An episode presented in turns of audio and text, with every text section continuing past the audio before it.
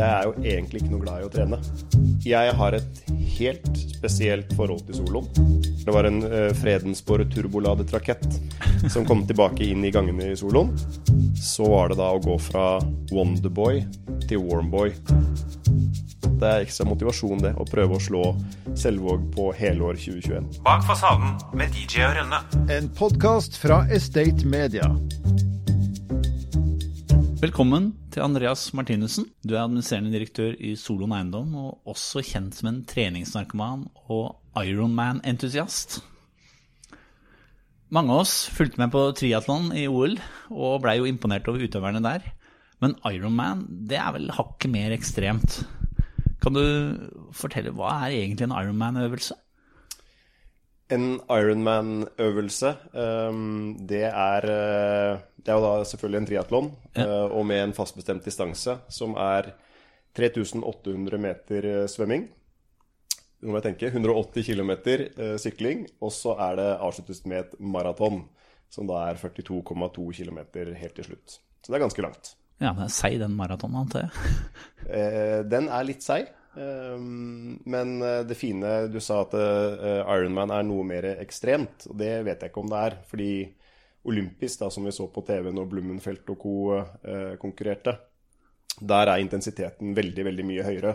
Ja. Og sånn at det gjør vondt i lungene og du får ikke puste underveis. Det er jo det fine med disse lange distansene, at det går litt rolig for seg. Så det passer for sånne litt avdanka atleter som meg. Men når et hundretalls av alfamenn hopper ut i sjøen for å finne den beste posisjonen, kan du beskrive det? Hvordan er det? Ja, det er en sånn litt kul greie, og det er jo det som gjør akkurat type Norseman, da, som, som er en av disse Ironman-konkurransene, litt spesielt. Det er jo det at man skal hoppe fra en ferje innerst i uh, Hardangerfjorden klokken fem om morgenen. Det er, jo, det er jo litt sånn spesiell stemning der ute. Uh, og det var helt spesielt i år, eh, faktisk. Det pleier å være en sånn nervøs, overkul stemning om bord. At folk står og tuller litt og slår litt på hverandre og liksom later som at de ikke er nervøse, og så er de egentlig sykt nervøse. Men da den båten, eller ferja, da, la til i år, eh, så var det litt uvant tøffe forhold og blåste veldig veldig fælt. Og ganske store bølger. Det var noen som sa at det var opptil én meter høye bølger. Så da er første gang det ble nesten sånn musestille om bord på ferja, og du så alle tenkte liksom Shit, hva gjør vi nå? Så da var det ordentlig nervøs stemning. Hva tenkte du da? Jeg er jo kjempedårlig til å svømme, så jeg må innrømme at da tenkte jeg Da ble jeg usikker på om dette kom til å gå bra. Eh, og jeg har jo gjort det noen ganger og vært med noen ganger, og stort sett alltid følt at jeg liksom kommer meg gjennom den svømmingen, selv om det er kjipt. Men i år så tok jeg meg selv eh, i hvert fall to-tre ganger i å bare tenke at det her går ikke. Uh, dette gidder jeg ikke mer. Uh, bare svømme inn til land og liksom gå tilbake uh, til byen. Men av en eller annen grunn så holdt på lenge nok, så kom jeg inn til land til slutt. Men å gi, ja. Men å gi opp, det er vel ikke helt din greie? Nei, ja, jo. Jeg har sikkert gitt opp på mange ting opp igjennom, jeg. Men, men jeg har vært så heldig å få lov til å representere Eh, en av hovedsponsorene, Bundegruppen. Eh, og da er det et eller annet med at når man har startnummer og fått fra en av sponsorene, så forplikter det litt ekstra. Da, da føler jeg at jeg må levere. Eh, så da, da er kanskje det en sånn ekstra hinder for at man ikke gir seg. Men hva, hva gjør du når du hopper ut i sjøen? Altså, Legger du deg bak en god svømmer, eller prøver du å få ditt eget spor? Eller hvordan, og er det mye kaving og sparking og dytting der? Det er egentlig et veldig bra spørsmål. Det er veldig mye kaving, veldig mye sparking. Eh, det er nok det største sjokket for de som ikke har vært med på en triatlon. Og ikke at jeg har vært med på sånn kjempemange, men da når man ligger i det feltet, så er det som å svømme i en vaskemaskin. Eh, det er en grunn til at man har svømmebrillene under badehetten. Og det er for at eh, du ikke skal bli sparka av og miste brillene. Mm. Det beste, og det jeg burde ha gjort, var jo akkurat som du sier, Dag Jørgen, å legge seg bak en god svømmer og drafte, som det heter på sykkelspråket. Liksom ligge i dragsuget til en, en, god svømmer, for det lønner seg faktisk veldig, også på svømming. Men der er jeg rett og slett for dårlig til å svømme, så jeg klarer ikke å finne et uh, sett ben å legge meg Eller jeg klarer å finne bena, men da forsvinner de med en gang, så jeg klarer liksom ikke å fokusere på å ligge bak der. Og så får man sånne luftbobler i ansiktet som kiler i nesa, så får jeg ikke puste. Og så mister jeg rytmen, og så blir alt bare gærent. Så jeg må bare finne en av flankene og legge meg helt for meg sjøl. Og så prøve å finne en eller annen rytme, og så prøve å svømme rett fram. Og gjør jeg det lenge nok, så pleier jeg å komme inn til land i Eidfjord etter hvert. Men du må jo være veldig glad i å sykle og løpe, siden du har valgt den idretten her, sånn som du prater om svømminga. Nei, men det er litt morsomt, da. Eller jeg vet ikke om det er morsomt, men jeg syns jo det er litt uh, humoristisk, i hvert fall. At jeg er jo egentlig ikke noe glad i å trene. I det hele tatt.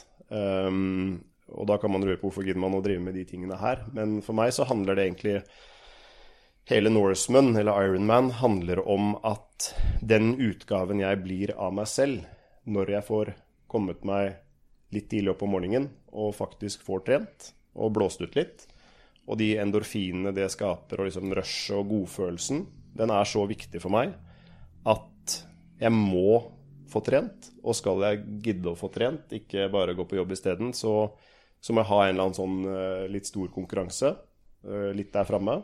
Som jeg vet at hvis jeg ikke har forberedt meg godt, så blir det ikke noe gøy i det hele tatt. Eller det er ikke gøy uansett, men da, da blir det fryktelig vondt. Ja. Men hvordan er du hvis du ikke har trent en dag? Hvordan eh, Ja.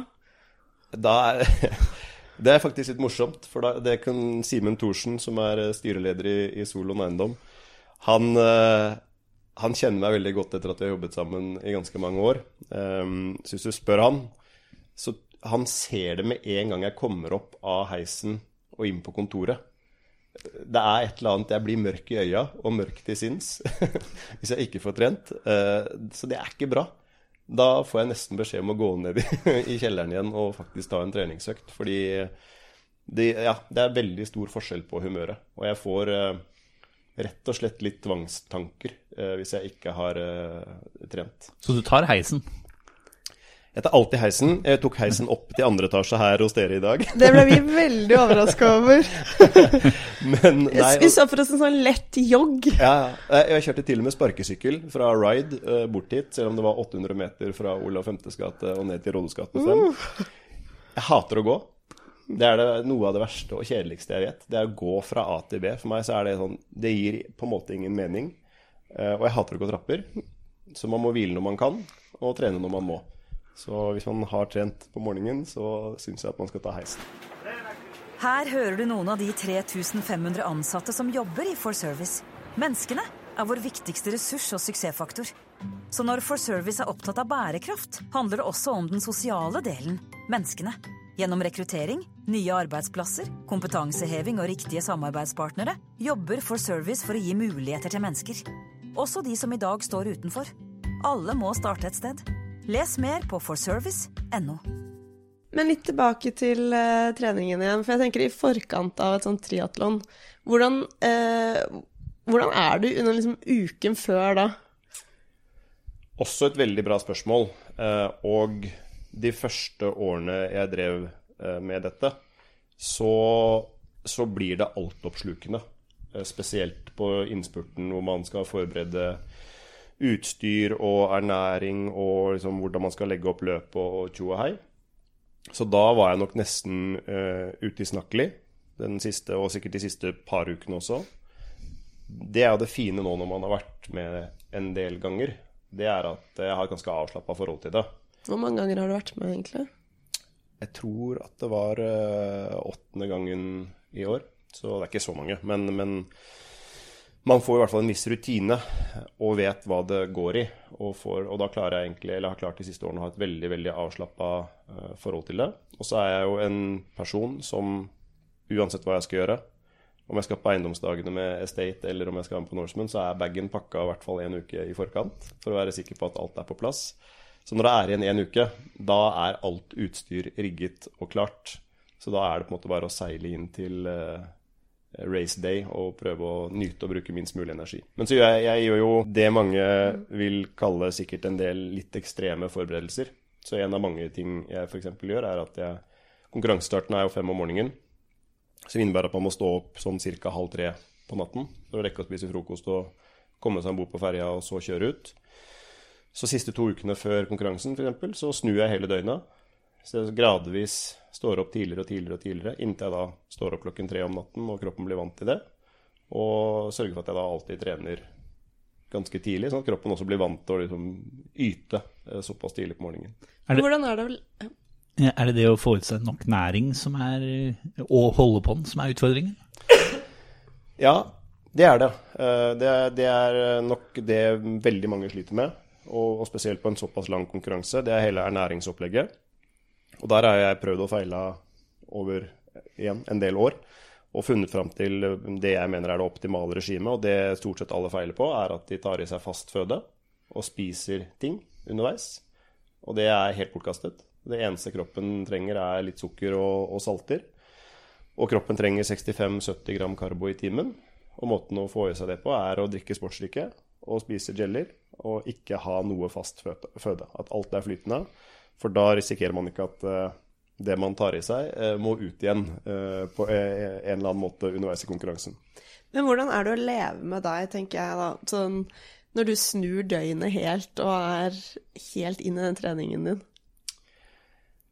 Nei, det burde du egentlig spurt samboeren min om. Men, og det, jeg er sikkert ikke den enkleste alltid å leve sammen med.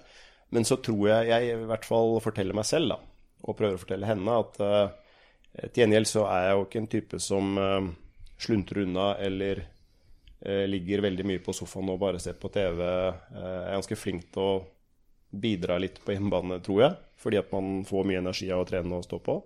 Så i sum så mener jeg at det egentlig er ganske ålreit å leve med. Men det er lett for meg å si. Så, men jeg, igjen, jeg var nok mye, mye, mye, mye, mye verre før. Fordi jeg trente veldig mye mer før. Og da gikk det mer utover og på bekostning av energi og overskudd. Og eh, jeg var mye mer nervøs og på en måte brukte mye mer tankekapasitet på å forberede meg til en sånn konkurranse. Og det gjør jeg ikke lenger. Så nå er det egentlig For jeg leste en sånn DN-artikkel, jeg tenker sånn Ja, det er vel for sånn ti år siden. Du Det var 28 eller noe sånt. eh, Og nå, ja, du er vel hva, 37 år nå? Ja, det er nesten ti år siden. Eh, så, og da uttalte du, hva var det? Jeg skal levere bra hjemme, jeg skal levere bra på jobb, og jeg skal levere en sterk prestasjon i Norseman. Samtidig skal jeg ikke være en hodeløs supermosjonist. Ja, man sier Ja. mye dumt når man er ung, da. Uten at det er noe unnskyldning, fordi jeg var jo 28 år eh, et eller annet, så jeg burde sikkert vært klokere den gang òg. Da innbilte jeg meg at det jeg sa der, eh, var mulig, og, og, og det er mulig. Men det høres jo litt slitsomt ut, da, for du høres ut som et sånn supermenneske som bare leverer 100 på alle områder.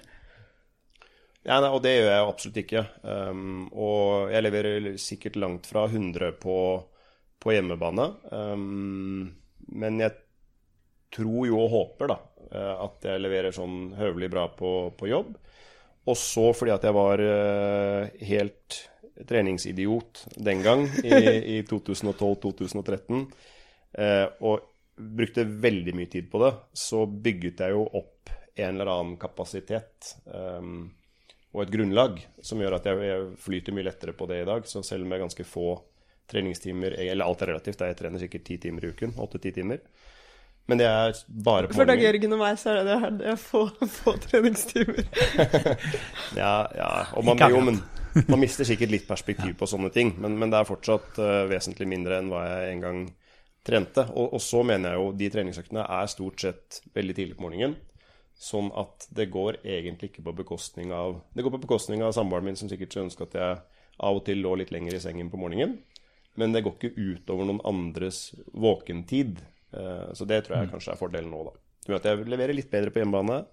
Og så trener jeg litt mindre, så jeg har litt mer overskudd. Og leverer litt bedre på jobb også enn det jeg gjorde den gang, tror jeg. Brekkhus advokatfirma rådgir norske og internasjonale kunder innen en rekke sektorer. Våre eiendomsadvokater kjenner eiendomsbransjens muligheter og utfordringer, og bistår ulike aktører i utviklingsprosjekter, transaksjoner, megling, utleie og tvisteløsning. Vil du høre mer? Kontakt oss på post at breikhus.no. Du slutta jo i soloen eh, og begynte å jobbe for Ivar Tollefsen, for så å gå tilbake som administrerende direktør i Solon Eiendom igjen. Eh, var ikke gresset grønnere på andre siden? Jeg vil si at gresset var like grønt. Um, forklaringen og det, og det- kan jo se ut som at det ikke var det fordi at jeg gikk tilbake igjen til soloen, men jeg har et helt spesielt forhold til soloen. Um, det var uh, min inntreden i eiendomsbransjen og den gang inn i et selskap som jeg bare hadde liksom sett opp til og liksom drømt om å være en del av. Så det, for meg var det fantastisk å komme til soloen første gang. Og menneskene der er, det er for meg eh, et eller annet unikt med. eh, eierne også.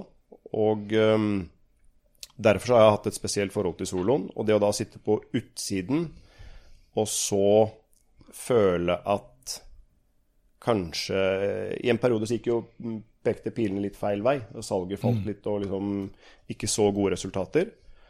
Og da tenkte jeg i mitt stille sinn at hadde jeg fått muligheten til å komme tilbake og prøve å snu det, også fordi at jeg savna veldig menneskene i soloen, så tenkte jeg at den, den muligheten hadde jeg ikke klart å si nei til.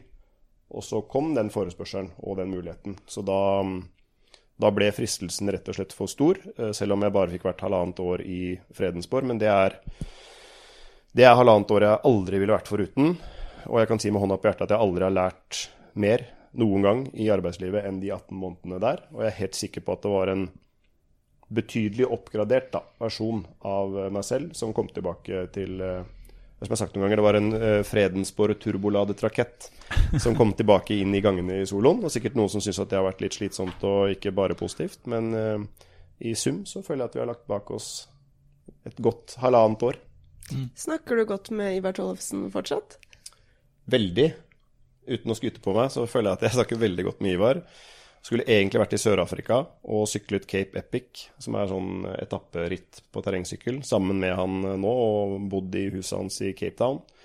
Men eh, grunnet eh, litt eh, ekstraordinært mye jobb akkurat nå, så fikk jeg dessverre ikke muligheten til å, til å reise. Men eh, SMS-et med han senest i går morges og, og fikk noen bilder fra racet underveis og en oppdatering på hvordan det, hvordan det gikk. Og skrev tilbake at det er imponerende av en mann som nå er eh, blitt 60 år gammel og kjører så fort og sykler sammen med en av Norges beste syklister, og han klarer å henge på. Så det er, det er beundringsverdig det Ivar leverer, både på jobb eh, og, og på idrett, han også.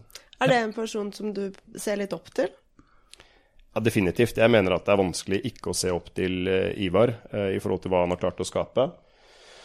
Hvordan han er som person, eh, og, og i tillegg det at han, han har jo et mindset eh, og en guts og, og, på en måte en sult da, som eh, veldig få andre tror jeg er i nærheten av å kunne matche. Og det å på en måte levert sånne resultater eh, på så mange arenaer, Å være fortsatt like sulten, eller mer sulten, det er nesten helt utrolig. Så, så jeg føler at jeg blir inspirert av det og har lyst til å strekke meg og på en måte bli enda bedre for å ja, prøve å oppnå noe av det samme. Jeg prata jo litt med deg, det ble veldig kort samtale faktisk, i forbindelse med at du skulle tilbake til Solom. Og da var du og Ivar eh, på vei ut eh, og skulle sykle i marka. Konkurrer, eller konkurrerer dere mye? Eh, oss imellom, tenker du? Ja, eller liksom trener dere mye sammen og gjør Ja, Ivar er jo sikkert en av Norges beste stisyklister, eh, og har jo brukt uh, uhorvelig mange av sine egne timer og for egen maskin opparbeida utallige kilometer med stisyklingsløyper uh, ute i marka. Så vi har vært veldig mye ute der og hatt mange fantastiske sykkelturer. Og Ivar vet jo ikke hva det vil si å sykle rolig. Så uansett hva planen egentlig er, så blir det beintøft. Og han vet at han er teknisk bedre enn de fleste av oss, og det benytter han til det fulle. Og så er han jo, kjører han med dødsforakt utenfor. Og i hvert fall så lenge jeg jobbet sammen, så tenkte jeg at jeg kan ikke slippe sjefen utfor. Da mister jeg jobben. Så da var det bare å lukke øya og så håpe, la det stå til, og håpe at det gikk bra. Øystein Landvik han kjøpte de fleste aksjene du solgte da du sluttet i soloen. Um, har du kjøpt noen av de tilbake? Alle sammen, og litt mer til. Bare på en veldig mye høyere kurs, så jeg har litt dårligere inngangsverdi nå enn det jeg hadde første gang. Men uh, ja, det der har vært en sur greie, at jeg liksom, i det hele tatt solgte meg ut. Um, men for meg var det helt åpenbart at idet jeg gikk tilbake, så tok jeg Jan Førstestein alle pengene mine og kjøpte soloen uh, så mye aksjer jeg bare kunne. Og har uh, my money where my mouth is, um, og føler at det er helt riktig. Og har troa på at med de resultatene soloen leverer nå for tiden, så kan jeg ikke skjønne annet enn at det blir bra. Ilja Batlian har jo kommet inn på eiersiden gjennom sitt uh, selskap SBB. Hvordan er det å ha fått inn eh, han som eier? Uh, han er jo ganske fremoverlent fyr. Og, og hva, hva sier han om Hva vil han med soloen? Han er ganske fremoverlent, eller ja, og ganske er vel relativt. Han er vel en av de få som kan matche Ivar Tollefsen hva gjelder sult og, og kraft og energi. Så det er utrolig spennende å ha fått inn SBB eh, som stor eier i Solon. De er jo nå største aksjonær med 20% av, eh, av aksjene. De eh, hjelper oss med inntreden i det svenske markedet, som jeg tror vi hadde kanskje klart det alene, men det hadde tatt mye lengre tid, og da hadde det vært vanskelig å få tilgang på prosjekter. Så gjennom SBB så har vi fått kjøpt elleve byggeprosjekter i sentrale Stockholmsområdet, som vi har da i partnerskap sammen med SPB. Eh, Ilja er jo, det hører man hvis man hører på kapitalmarkedspresentasjonen eller selskapspresentasjonen hans, veldig opptatt av, av arkitektur og bærekraft og kvalitet. Og det var nok en av de tingene han likte godt med Solon. Eh, det fokuset vi har på å prøve å bygge litt unik arkitektur. Og sette kvalitet i, i høysetet, og også bærekraft. Um, og han har jo et stort uh, apparat for å håndtere og utvikle hyresretter, uh, som er det vanligste i det svenske markedet. Men ikke noe plattform eller kompetanse internt på bostadsretter og utvikle leiligheter for salg. Mm. Så det var nok kongstanken til Ilja. Det var at med å uh, være aksjonær i Solon og gjøre joint ventures med Solon, så får SBB en effektiv plattform til å håndtere og utvikle bostadsretts andelen i de prosjektene de har i sin portefølje. Så det er jo poenget, da. At uh, vi skal um, SBB utvikler hyresrettene, og Solon har da forkjøpsrett på alle bostadsretter SBB mm. får i sin portefølje. Og For hyresretter, de er regulert, ikke sant? Og så er bostadsretter er mer som vanlige leiligheter i Norge? Ja, men, men som borettslag, men ellers som leiligheter i det norske markedet. Ja. Så det er det, det er det Solon skal ha ansvaret for, å utvikle sammen med SBB i Sverige. Da tar vi en kort pause for å minne om at BN Bank er spesialisten på finansiering av næringseiendom i Oslo-regionen. BN Bank er en rendyrket eiendomsspesialist og kjennetegnes av hurtighet, fleksibilitet og forutsigbarhet. Gode løsninger sikres gjennom medarbeidere med høy kompetanse og sterke relasjoner til kundene. Kontakt BN Bank nå. Du er jo vant til å jobbe for mange store Nei, mange menn med store egoer. Er du en tålmodig person? Nei, jeg er ikke det. Eh, men jeg har blitt bedre eh, og blitt litt rundere i kantene og gammel nok til å skjønne hvilke kamper man skal ta og ikke ta. Og det var sikkert derfor det var bra for meg å være en liten tur ute av soloen. Det var på en måte i etterpåklokskap å kunne reflektere over hvordan kunne jeg også forvaltet min rolle enda bedre i soloen med de sterke prinsipalene.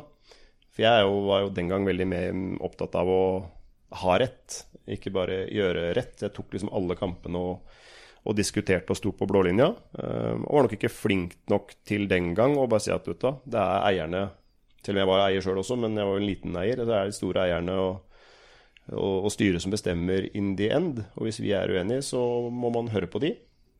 Eller gjøre noe annet, og da, den gang valgte jeg å gjøre noe annet. Um, så det lærte du oss, uh, Ivar, da, å bli litt mer sånn Der var det han som bestemte?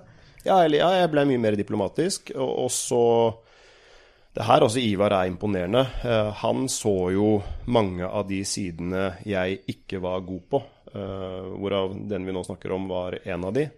Og derav så ble jeg nærmest skal ikke si tvangssendt, men sterkt oppfordret til å dra på en selvutviklingsretreat som heter Path of Love. Og det er vel kanskje noe av Det er uh, selvutviklingsverdens svar på Norseman. Det er uh, det mest ekstreme kanskje man kan dra på. Sikkert derfor Ivar liker det så godt. Hvor er det her? Det må du fortelle litt mer om. Nei, det, Dette er på ulike steder i verden. Og, og jeg var alle ting i Wales, fordi at der visste Ivar at gründerne uh, av dette Path of Love skulle være instruktører. Så han skulle sikkert sørge for at de eh, gjorde så jeg fikk kjørt meg litt, eh, litt ekstra. Eh, og så bruker de åtte dager hvor du blir plukket fra alt av kommunikasjonsmidler og får på deg en sånn eh, batch på, eller button på skjorta hvor det står 'in silence'. Du får ikke lov å prate med noen. Før man da skal stå i sånne share mindre grupper og, og brette ut uh, alle sine dark sides og ja, virkelig utlevere livet sitt. Og så bruker de fire tøffe dager på å bryte deg ned, og så bruker de resten av tiden på å bygge deg opp igjen og ja, pusle deg sammen før du skal tilbake til eh, hverdagen. Men hva var den største endringen din eh, etter oppholdet der? Den største endringen min var nok Jeg har jo alltid prata om Eller jeg husker jeg leste Henrik Langeland og Wonderboy. Du husker den boken? Og jeg blei jo i ung alder veldig påvirka og veldig fascinert av liksom, dette Wonderboy-fenomenet. Men Wonderboy er jo veldig hardt og veldig sånn eh, Du sa det i stad, litt sånn supermenneskeaktig, og det funker jo ikke.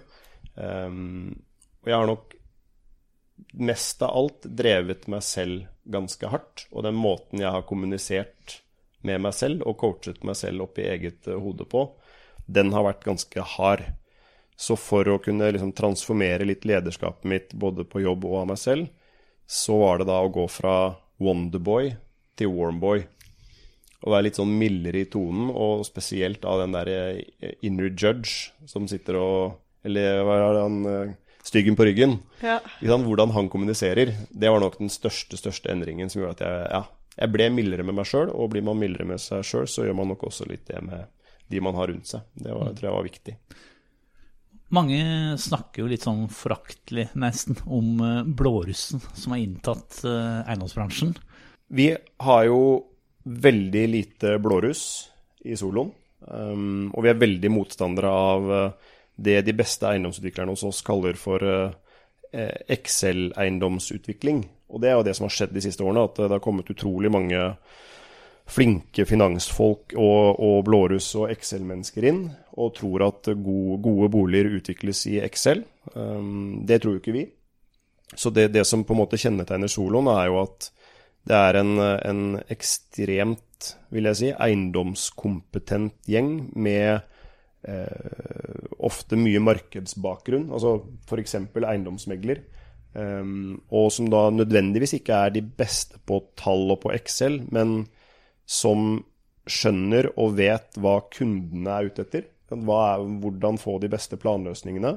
Eh, hvordan bygge god kvalitet. Eh, lys, luft, uterom, eh, arkitektur. Det er jo noe vi setter veldig, veldig høyt, og kanskje som har vært differensiator nummer én er jo, eller det er det vi har prøvd på, da, å bygge ting som ser enda litt finere ut. Um, og det, det har vi ment at selv om byggekostnaden blir litt uh, høyere, så tror vi at den deltaen, da, hvor mye mer enn økt byggekostnad man får øh, ut i markedet, at det gjør det regningssvarende.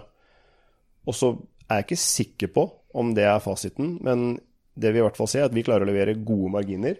Og så får vi veldig god salgbarhet i prosjektene våre.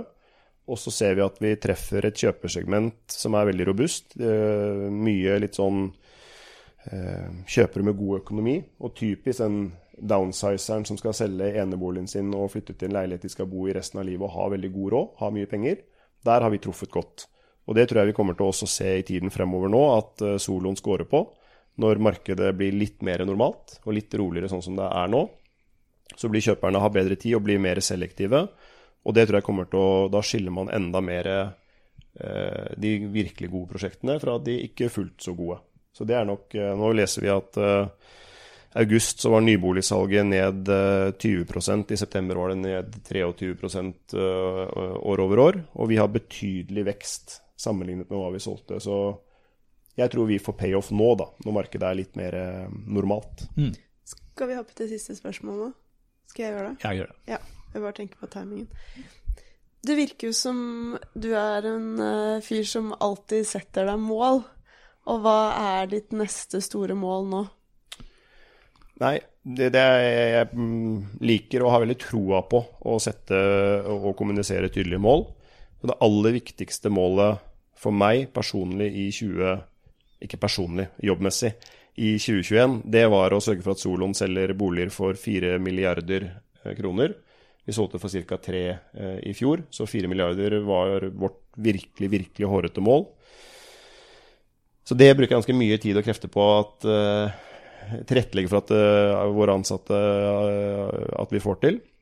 Tror du du kommer til å få det til? Jeg er veldig sterk i troa.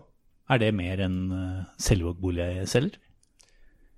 Eller per Q3 så hadde vel Selvåg solgt for 3,1 milliarder, og vi for 3,3 milliarder. Så vi ligger et par hundre millioner foran de på vei inn i Q4. Føles det godt? Det, det føles ekstra godt, og, og, spesielt siden Sverre Målvik er en veldig konkurransefyr, og vi har kniva litt på, på uh, ski og rulleski tidligere, så, så, så syns jeg det er veldig tilfredsstillende. Og det er klart at det er ekstra motivasjon, det, å prøve å slå Selvåg på helår 2021. Bak fasaden med DJ og Rønne. En podkast fra Estate Media.